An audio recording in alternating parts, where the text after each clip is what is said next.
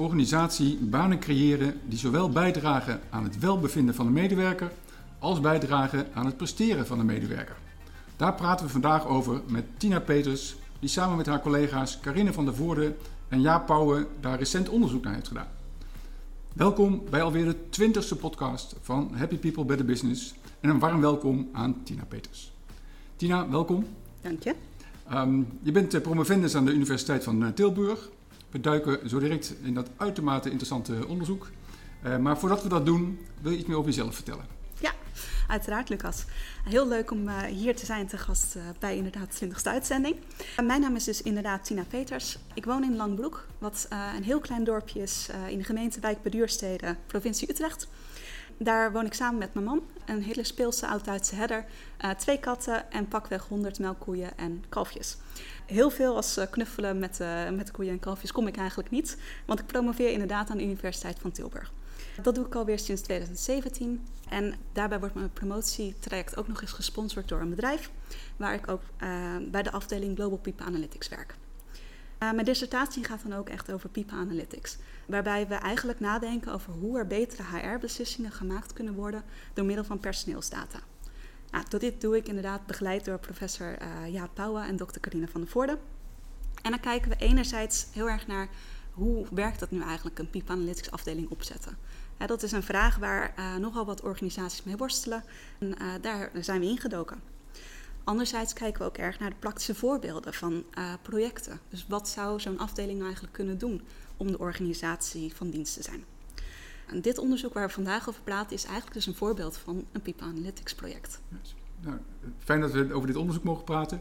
Misschien kom ik ook graag een keer bij je terug, want uh, als je kijkt naar uh, een onderdeel van wat wij werkgeluk noemen, is employee experience. Mm -hmm. En als je dat als organisatie goed wil opzetten, praat je nu steeds vaker over people analytics en hoe je dat kan gebruiken om een nog betere ervaring te creëren voor je medewerkers. Absoluut. Nou, komen we graag een keer terug.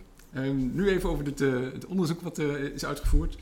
Um, kun je meer vertellen over de achtergrond uh, van het onderzoek? Waarom is het relevant het onderwerp te onderzoeken? Ja, uh, een van de achtergronden is eigenlijk wat ik dus al net vertelde. Voor mij is het een soort project wat een People Analytics afdeling zou kunnen doen. Daarbij is het natuurlijk ook een wetenschappelijk onderzoek. Waarbij het erg belangrijk is, als je naar People Analytics kijkt, in mijn ogen in ieder geval, uh, dat je ook assumpties die onder leidinggevenden en onder HR-professionals leven test. Dit zodat er dus beslissingen kunnen gemaakt worden op basis van feiten en niet op onderbuikgevoelens. Aan de achtergrond van dit onderzoek is ook een populaire assumptie die leeft onder HR-professionals. Veel HR-professionals in ieder geval. En daar was ik er ook een van.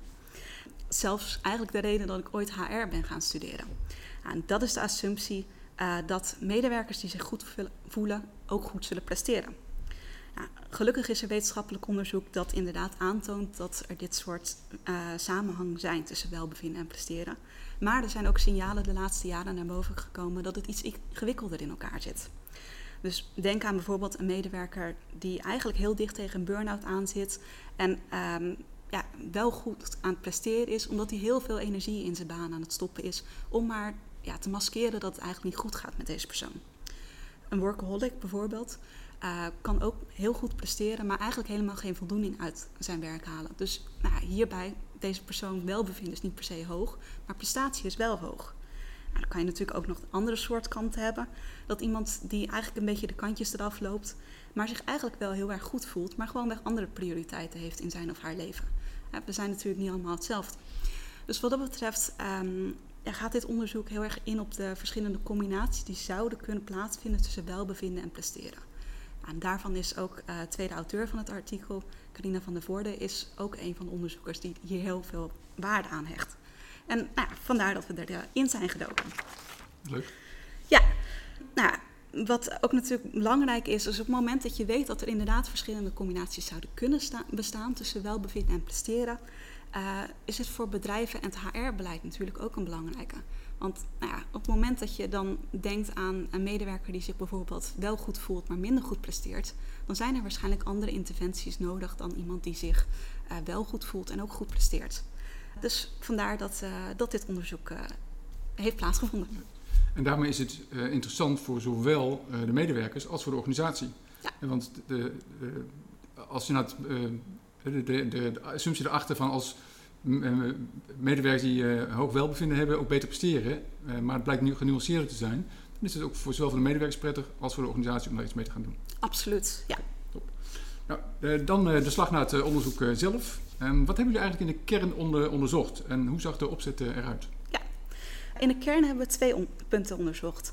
Ten eerste hebben we dus gekeken naar de verschillende combinaties tussen welbevinden en presteren die zouden kunnen plaatsvinden. Uh, ten tweede hebben we ook gekeken naar uh, hulpbronnen, dus bijvoorbeeld autonomie of de steun die je ervaart van collega's, en werkeisen, dus bijvoorbeeld werkdruk. En in hoeverre deze kunnen bepalen dat je een bepaalde combinatie ervaart tussen welbevinden en prestatie. Ook nog wel goed om te vertellen is uh, meer de achtergrond van deze constructen. Dus wat bedoelen we eigenlijk onder welbevinden? Nou, we hebben gekeken naar twee energiecomponenten eigenlijk. Dus uh, enerzijds hebben we gekeken naar uh, energie, wat uh, een component is van engagement, wat nu een hele populaire is in het bedrijfsleven. En eigenlijk een positieve component is van welbevinden. En anderzijds hebben we meer gekeken naar een negatieve component van welbevinden, namelijk uitputting, wat weer een teken is van een burn-out. Nou, en hoewel misschien uh, energie en uitputting gevoelsmatig heel dicht bij elkaar zitten, valt het in de praktijk eigenlijk wel mee. Zo kan ik bijvoorbeeld, als ik acht uur heb gewerkt en volop in meetings heb gezeten, kan ik ook heel blij zijn dat s'avonds mijn laptop dichtgeschoven wordt. En me best wel moe voelen natuurlijk. Toch kan ik de volgende dag ook weer vol energie aan de slag gaan. Dus betekent gelukkig niet dat ik ook echt daadwerkelijk dicht tegen een burn-out aan heb gezeten. HR-wetenschappers richten zich eigenlijk van traditionele uh, ja, mate uh, meer op deze positieve aspecten van, van welbevinden. Waarbij ze niet zozeer kijken naar de negatieve aspecten. en dat proberen we dus in het onderzoek door zowel uitputting als energie tegelijkertijd te bestuderen. Om te kijken of daar ook nog verschillende combinaties in kunnen zijn bij prestatie, ook nog goed om even te noemen, uh, richten we ons meer op uh, de score die mensen zichzelf geven. Dus in hoeverre vinden ze dat ze zichzelf goed hebben gepresteerd op kwaliteit, op kwantiteit um, en wat voor cijfers geven ze dan aan deze prestaties. We hebben een bestaande dataset gebruikt van een bedrijf waarbij we uh, rond de 5700 medewerkers in 2020 hebben onderzocht. Mooi fors aantal. Zeker, zeker. Ja. ja. we waren heel tevreden met deze dataset. Ja. Um, je noemde al een paar elementen. En jullie hebben volgens mij gebruik gemaakt van het Job Demands Resources model. Het gaat inderdaad over Job Demands en Your Resources. Um, of in het Nederlands werkeisen en hulpbronnen. Jullie hebben gekeken of deze mogelijk voorspellers zijn van welbevinden en prestatie. Um, kun je daar iets meer dieper op ingaan? En wat dat precies zijn, die werkeisen en die hulpbronnen? Ja. En waarom het ook van belang is om daar naar te kijken? Uiteraard. Uh, laat ik eerst beginnen met job demands en resource theorie. Want dat is namelijk een uh, eigenlijk een hele populaire theorie om te kijken naar welke werkelementen en inmiddels ook persoonlijkheidsaspecten bijdragen aan het welbevinden van een persoon. Daarbij uh, onder, worden eigenlijk twee paden onderscheiden. Dus ten eerste is het motivatiepad, wat is kijkt naar hulpbronnen, zoals dus autonomie, steun van de leidinggevende en ontwikkelingsmogelijkheden. En daarbij geloven we dat deze hulpbronnen bijdragen aan het behalen van doelen van, nou ja, die mensen hebben in het werk.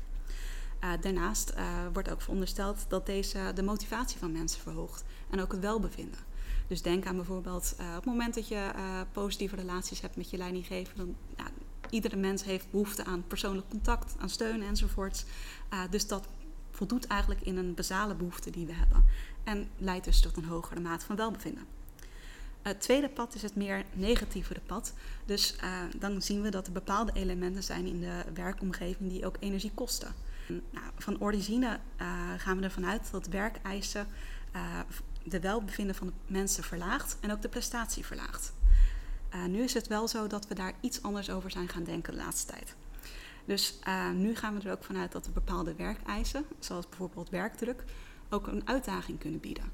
En dus ook meer motiverend kunnen zijn. Hè? Dus als ik genoeg taken heb, of leuke taken, veel taken heb om te doen, kan het me ook juist motiveren om te presteren.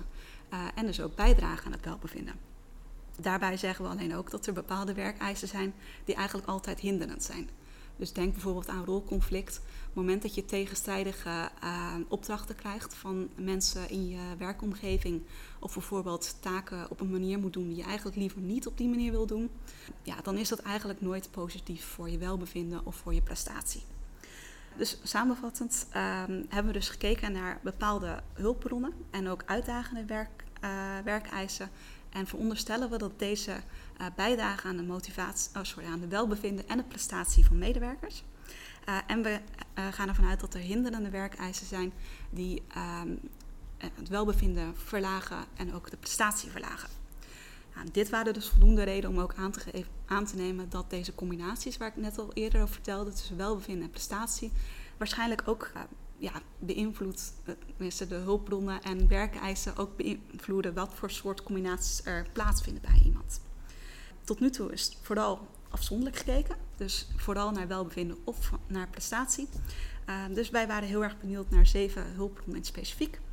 Namelijk de communicatie vanuit de organisatie, uh, sociale steun vanuit de collega's en ook de uh, steun vanuit de leidinggevende, rolduidelijkheid, autonomie, feedback en leer- en ontwikkelingsmogelijkheden en wat zij doen met deze profielen. En dan keken we nog naar werkeisen, namelijk werkdruk en rolconflict. Om eigenlijk te verklaren waarom iemand bijvoorbeeld een hoge mate van welbevinden combineert met een hoge mate van prestatie. Of juist een hele andere combinatie. Daarmee um, zou je inderdaad wat meer, meer groepen kunnen krijgen. Dat, dus ik in het begin aangaf dat dat wat complexer zou kunnen liggen. Zeker. Mooi. Uh, want een van de resultaten was dat jullie op basis van jullie focus op welbevinden en prestatie, hè, wat je net hebt uitgelegd, dat er vijf groepen hebben jullie te weten te onderscheiden. Zou je die vijf kort kunnen beschrijven? Ja. We hebben dus inderdaad gekeken naar de verschillende combinaties, of eigenlijk de patronen waarin mensen uh, antwoord gaven op vragen over welbevinden en prestatie. En daarbij zagen we dat er uh, drie groepen eigenlijk het standaardpatroon, wat in, inderdaad overeenkomt met die assumptie. Dus één groep uh, had een lage mate van, van welbevinden en had eigenlijk ook een lage mate van prestatie. Dus die gaf hun eigen prestatie een kleine 5. Daarbij uh, waren er twee groepen die dit meer positieve uh, patroon volgden. Dus zij voelden zich goed in hun welbevinden. Hij gaf hun prestatie ook een rond een 8, dus dat was vrij hoog. maar er was een groep die hun prestatie nog hoger gaf, namelijk uitmuntend met rond de 9. Zij voelden zich ook goed, dus daarbij gold echt een hoge maat van welbevinden en hoge maat van prestatie. Maar we vonden ook twee groepen die dit standaardpatroon dus niet volgden.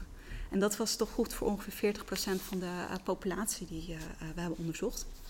En deze mensen combineerden een, ten eerste een hoge mate van welbevinden met een prestatiescore van tussen de 6 en de 7, wat dus relatief laag is voor deze populatie. En daarnaast was er ook nog een groep die relatief laag scoorde op het welbevinden. Dus eigenlijk net zo laag als de eerste groep waar ik over vertelde, dus een lage mate van prestatie en ook een onvoldoende prestatie. Lage mate van welbevinden en lage mate van prestatie. Mm -hmm. En daarbij gold dus eigenlijk dat, ondanks dat deze groep eigenlijk een lage mate van welbevinden had, dit, hier een prestatie zich, uh, daar eigenlijk niet onder leed. Dus uh, nou ja, inderdaad uh, bewijs voor dat er verschillende combinaties mogelijk zijn. En niet alleen maar gelukkige medewerkers die ook leiden tot hoge prestaties. Ja. Um, is nou de ene groep te prefereren boven de ander? Het zij vanuit de medewerker bekeken, het zij vanuit de organisatie bekeken? Ja, ik denk dat we er vrij snel over eens kunnen zijn dat die eerste groep, dus een lage maat van welbevinden en een lage maat van prestatie, eigenlijk ongunstig is. Dus zowel de, uh, of de organisatie als de werknemer heeft hier ja, minder aan kan je zelfs afvragen of hier sprake is van een goede match tussen de werknemer en de werkgever. Nou, dan de twee groepen die een hoge mate van welbevinden hebben en uitstekende of goede prestaties, die zijn natuurlijk heel positief. Dus eigenlijk een win-win situatie voor zowel de medewerker als de organisatie. Dan de laatste twee groepen zijn eigenlijk complexer. Want daar, Toch 40 procent. Precies. Ja. Want ja, daar is eigenlijk een win-verlies situatie. Terwijl je eigenlijk welbevinden en prestatie heb je beide nodig voor een duurzame arbeidsrelatie. Want op het moment dat iemand goed presteert, wil een werkgever je houden. En op het moment uh, dat jij je goed voelt, dan ben je waarschijnlijk ook geneigd om te blijven. Alleen het hoeft natuurlijk niet het doel per se te zijn. Dat kan aan beide kanten zo zijn dat om de een of andere reden welbevinden of prestatie niet per se wordt nagestreefd. Uh, daarbij denk ik bijvoorbeeld aan uh, toen ik zelf een bijbaantje had tijdens de middelbare school. een parttime van vier uur. Ja, mijn welbevinden had waarschijnlijk toegenomen op het moment dat ik meer autonomie geef. Maar in hoeverre moet je dat willen als organisatie? Wat levert het op? Dus ja, de context is ook zeker belangrijk om over na te denken op het moment dat je eigenlijk een streven stelt met, nou ja, wil ik inderdaad die hoge maat van welbevinden en prestatie? Als je nou, hè, je hebt dat uh, Job Demands en Resources model goed beschreven. Um, als je dan kijkt naar de, de invloed, het effect van deze werkeisen en hulpbronnen. wat hebben jullie daarover gevonden in de resultaten ja. en bij deze groepen? Ja, we hebben dus gekeken naar zeven hulpbronnen en twee werkeisen. Dus we hebben heel veel resultaten. Uh, maar op het moment dat je het meer samenvat, uh, dan uh, zie je dat de groepen die dus gekenmerkt worden door een hoge maat van welbevinden, dus onafhankelijk van de prestatie, dus het kan een middelmatige prestatie of een hele hoge prestatie zijn. Nou, deze groepen die hebben bij uitstek drie hulpbronnen en één werkeis niet. Um, dat waren dat ze meer leermogelijkheden hadden, ze hadden meer sociale steun, meer autonomie en minder rolconflict in vergelijking tot groepen die een lage mate van welbevinden hadden. Nou, het is op zich ook wel logisch, want deze hulpbronnen bij uitstek hebben een goede relatie met de basale behoeftes die mensen hebben. Um, en op het moment dat we keken naar de groepen die echt gekenmerkt worden door de hoge of de uitmuntende prestaties, en nou, bij deze wordt het dan ook gecombineerd met een hoge mate van welbevinden, uh, vonden we dat uh, deze mensen meer rolduidelijkheid, uh, meer feedback en meer autonomie hadden in vergelijking tot groepen die of een matige of een lage mate van prestatie hadden. Nou, deze hulpbronnen zijn natuurlijk ook helemaal gericht op de taak, dus ook dat is te begrijpen dat het juist deze hulpbronnen zijn. Wat ook nogal goed is om te noemen, is dat de groep die gekenmerkt werd door een hoge mate van welbevinden en een middelmatige prestatie eigenlijk weinig werkdruk ervaarde. Dus in vergelijking tot zelfs de groep die een lage maat van welbevinden hadden en een lage prestatie, ervaarden deze mensen minder werkdruk. En dat komt dus eigenlijk overeen met wat ik al net zei, dat werkdruk ook een uitdagende functie zou kunnen hebben. Ja. Mm, nou, dan zeg ik natuurlijk niet dat organisaties oneindig de werkdruk moeten, toe, uh, moeten opvoeren. Maar deze groep die had dus daadwerkelijk wel veel hulpbronnen. Die dus hoorden bij de hoge mate van welbevinden. Uh, zoals bijvoorbeeld autonomie of steun. Dus daarbij zou een organisatie wel aan kunnen denken om de werkdruk op te voeren. Ja. En dat zie je natuurlijk ook in ander onderzoek. Hè, dat als je daar waar, je, waar, waar, de werkdruk hoog is, maar je wordt gesteund door je leidinggevende of er is op andere manier waardering, dat dat, dat uh, nog beter te doen is als je dat niet hebt. Ja, klopt inderdaad. Ja. Dus niet qua welbevinden, maar wel qua prestatie dus. Ja. ja. ja. Um, wat zouden deze vijf groepen kunnen doen op basis van je onderzoek om die combinatie van welbevinden en prestatie uh, vast te houden, daar waar het goed was, of juist te verbeteren? Ja, ja uh, eigenlijk vorige antwoord natuurlijk al min of meer antwoord op ja. gegeven, maar uh, op het moment dat we het echt samenvatten, dan voor een hoge mate van welbevinden, die hebben meer leermogelijkheden, meer autonomie, meer collega's die hun steunen en minder rolconflict in vergelijking tot groepen met een lage mate van welbevinden. En uh, bij hoge prestaties was er meer taakduidelijkheid, meer feedback, uh, meer autonomie en ook voldoende werkdruk. Dus op het moment dat je groepen die gekenmerkt door een hoge mate van prestatie en een hoge mate van welbevinden wilt bereiken, dan is het dus goed om een werkomgeving oftewel te creëren voor de medewerkers, ofwel zelf te creëren, want een medewerker kan natuurlijk ook zelf ervoor zorgen dat ze bijvoorbeeld meer feedback krijgen of betere relaties tussen hunzelf en andere collega's krijgen. Um, nou, als het moment dat zo'n werkomgeving wordt gecreëerd, heb je dus een grotere kans op positieve profielen. Ja, oké. Dankjewel. Um, jullie hebben ook uh, naar de rol van de leidinggevende gekeken. Wat hebben jullie daarover uh, gevonden? Nou, de rol van de leidinggevende kwam eigenlijk uit, tenminste de steun van de leidinggevende, moet ik dan wel uh, goed zeggen, had eigenlijk niet zo heel veel effect op de onderscheidend vermogen eigenlijk tussen de verschillende vijf profielen. Dus het was niet zo dat de groep die uh, een hoge mate van welbevinden combineerde met een hoge mate van prestatie heel veel meer steun had als bijvoorbeeld mensen die een lage mate van welbevinden hadden en een lage mate van prestatie. Nou, dit is natuurlijk ander, ja, uit ander onderzoek kan het blijken dat, dat de rol van de leidinggever natuurlijk meer op de voorhand treedt. Ja, zeker. Maar ja, als je daarover nadenkt, moet je ook goed nadenken over wat hebben we nou eigenlijk onderzocht. En ons onderzoek ging echt over de steun die mensen op zowel persoonlijk als zakelijk vlak ervaren van de leidinggevende. Dus we keken niet zozeer naar een leiderschapsstijl bijvoorbeeld, die ook vaak onderzocht wordt. Daarnaast ja, moet, is het ook belangrijk om twee dingen in het achterhoofd te houden. Enerzijds is dat in onze groep uh, mensen heel veel steun eigenlijk ervaarden al van hun leidinggevende.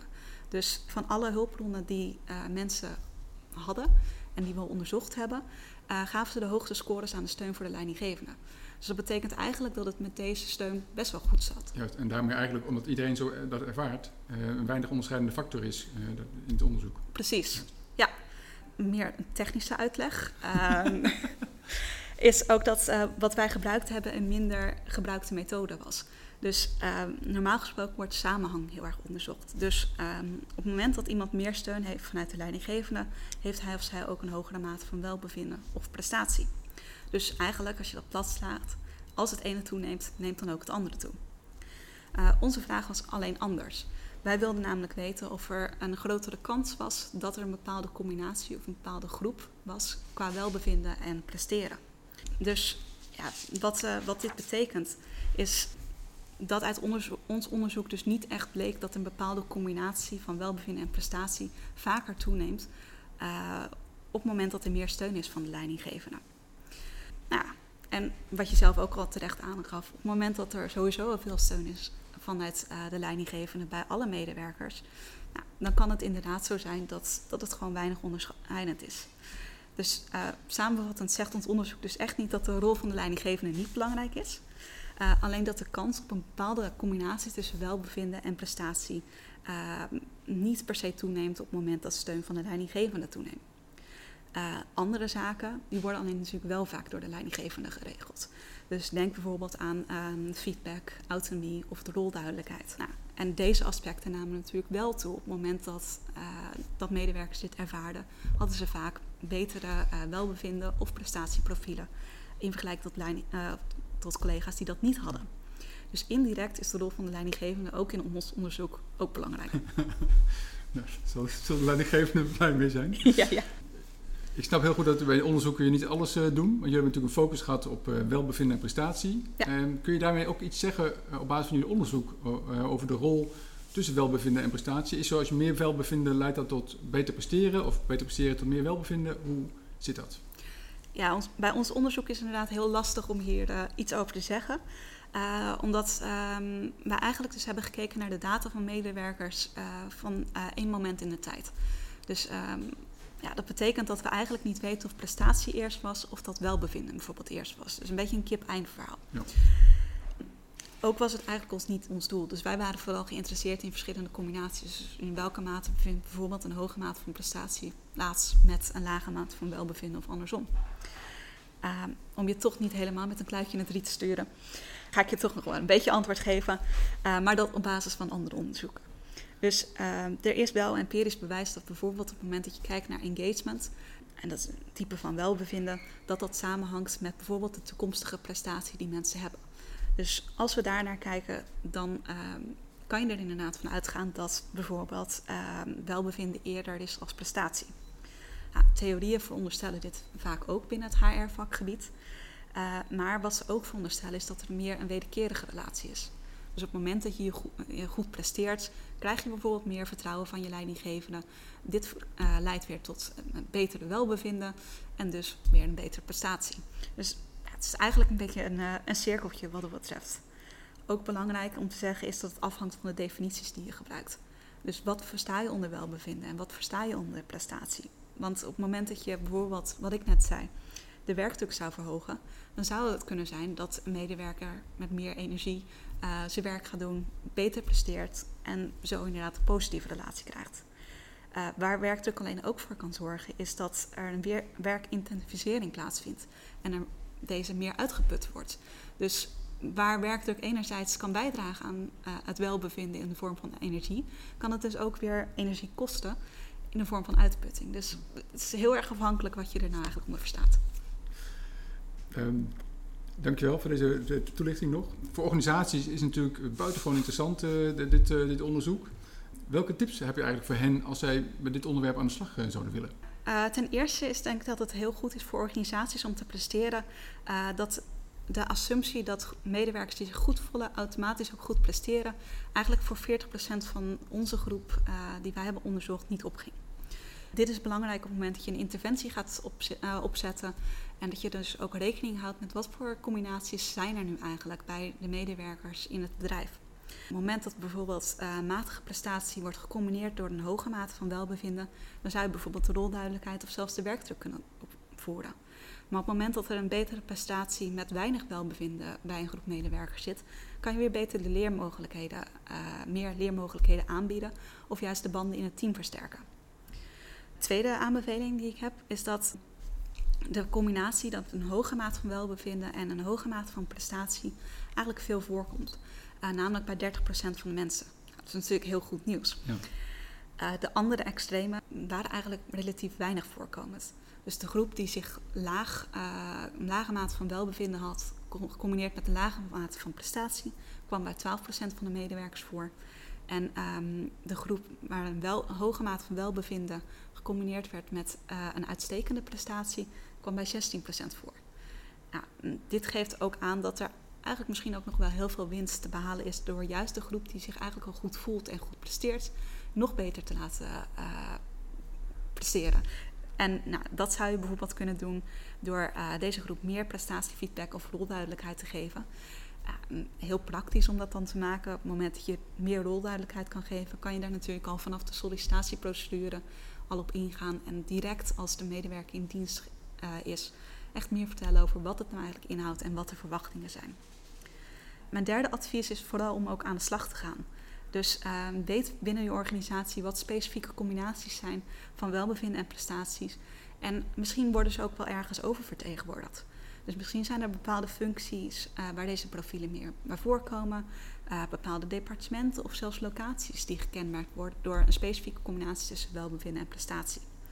Dus daar inzicht in krijgen en dan maak je toch weer een bruggetje naar helemaal het begin. Kan je door middel van People Analytics. En zo kan je dus interventies inzetten daar waar deze echt nodig zijn. Super, dankjewel. Dat betekent eigenlijk ook dat uh, een one-size-fits-all aanpak, dat, dat zal niet werken. Nee. Juist het maatwerk, en dan met jou uh, dus praten we op, op, basis van People Analytics, zou heel waardevol zijn. Want daarmee kun je veel beter kijken van hoe je medewerkers kunt helpen en daarmee ook de organisatie. Ja, ja, dan kan je natuurlijk feiten, op, beslissingen op basis van feiten in plaats van wat je denkt dat er speelt te maken. Tina, enorm bedankt, want hiermee zijn we aan het einde van de, de, de podcast. Buitengewoon interessant om met jou over dit onderwerp te praten. En wat ik al eerder zei, als jij weer nieuw inzicht hebt, ik zou graag weer daarover praten. Ja, hartstikke bedankt voor de uitnodiging en ja, graag.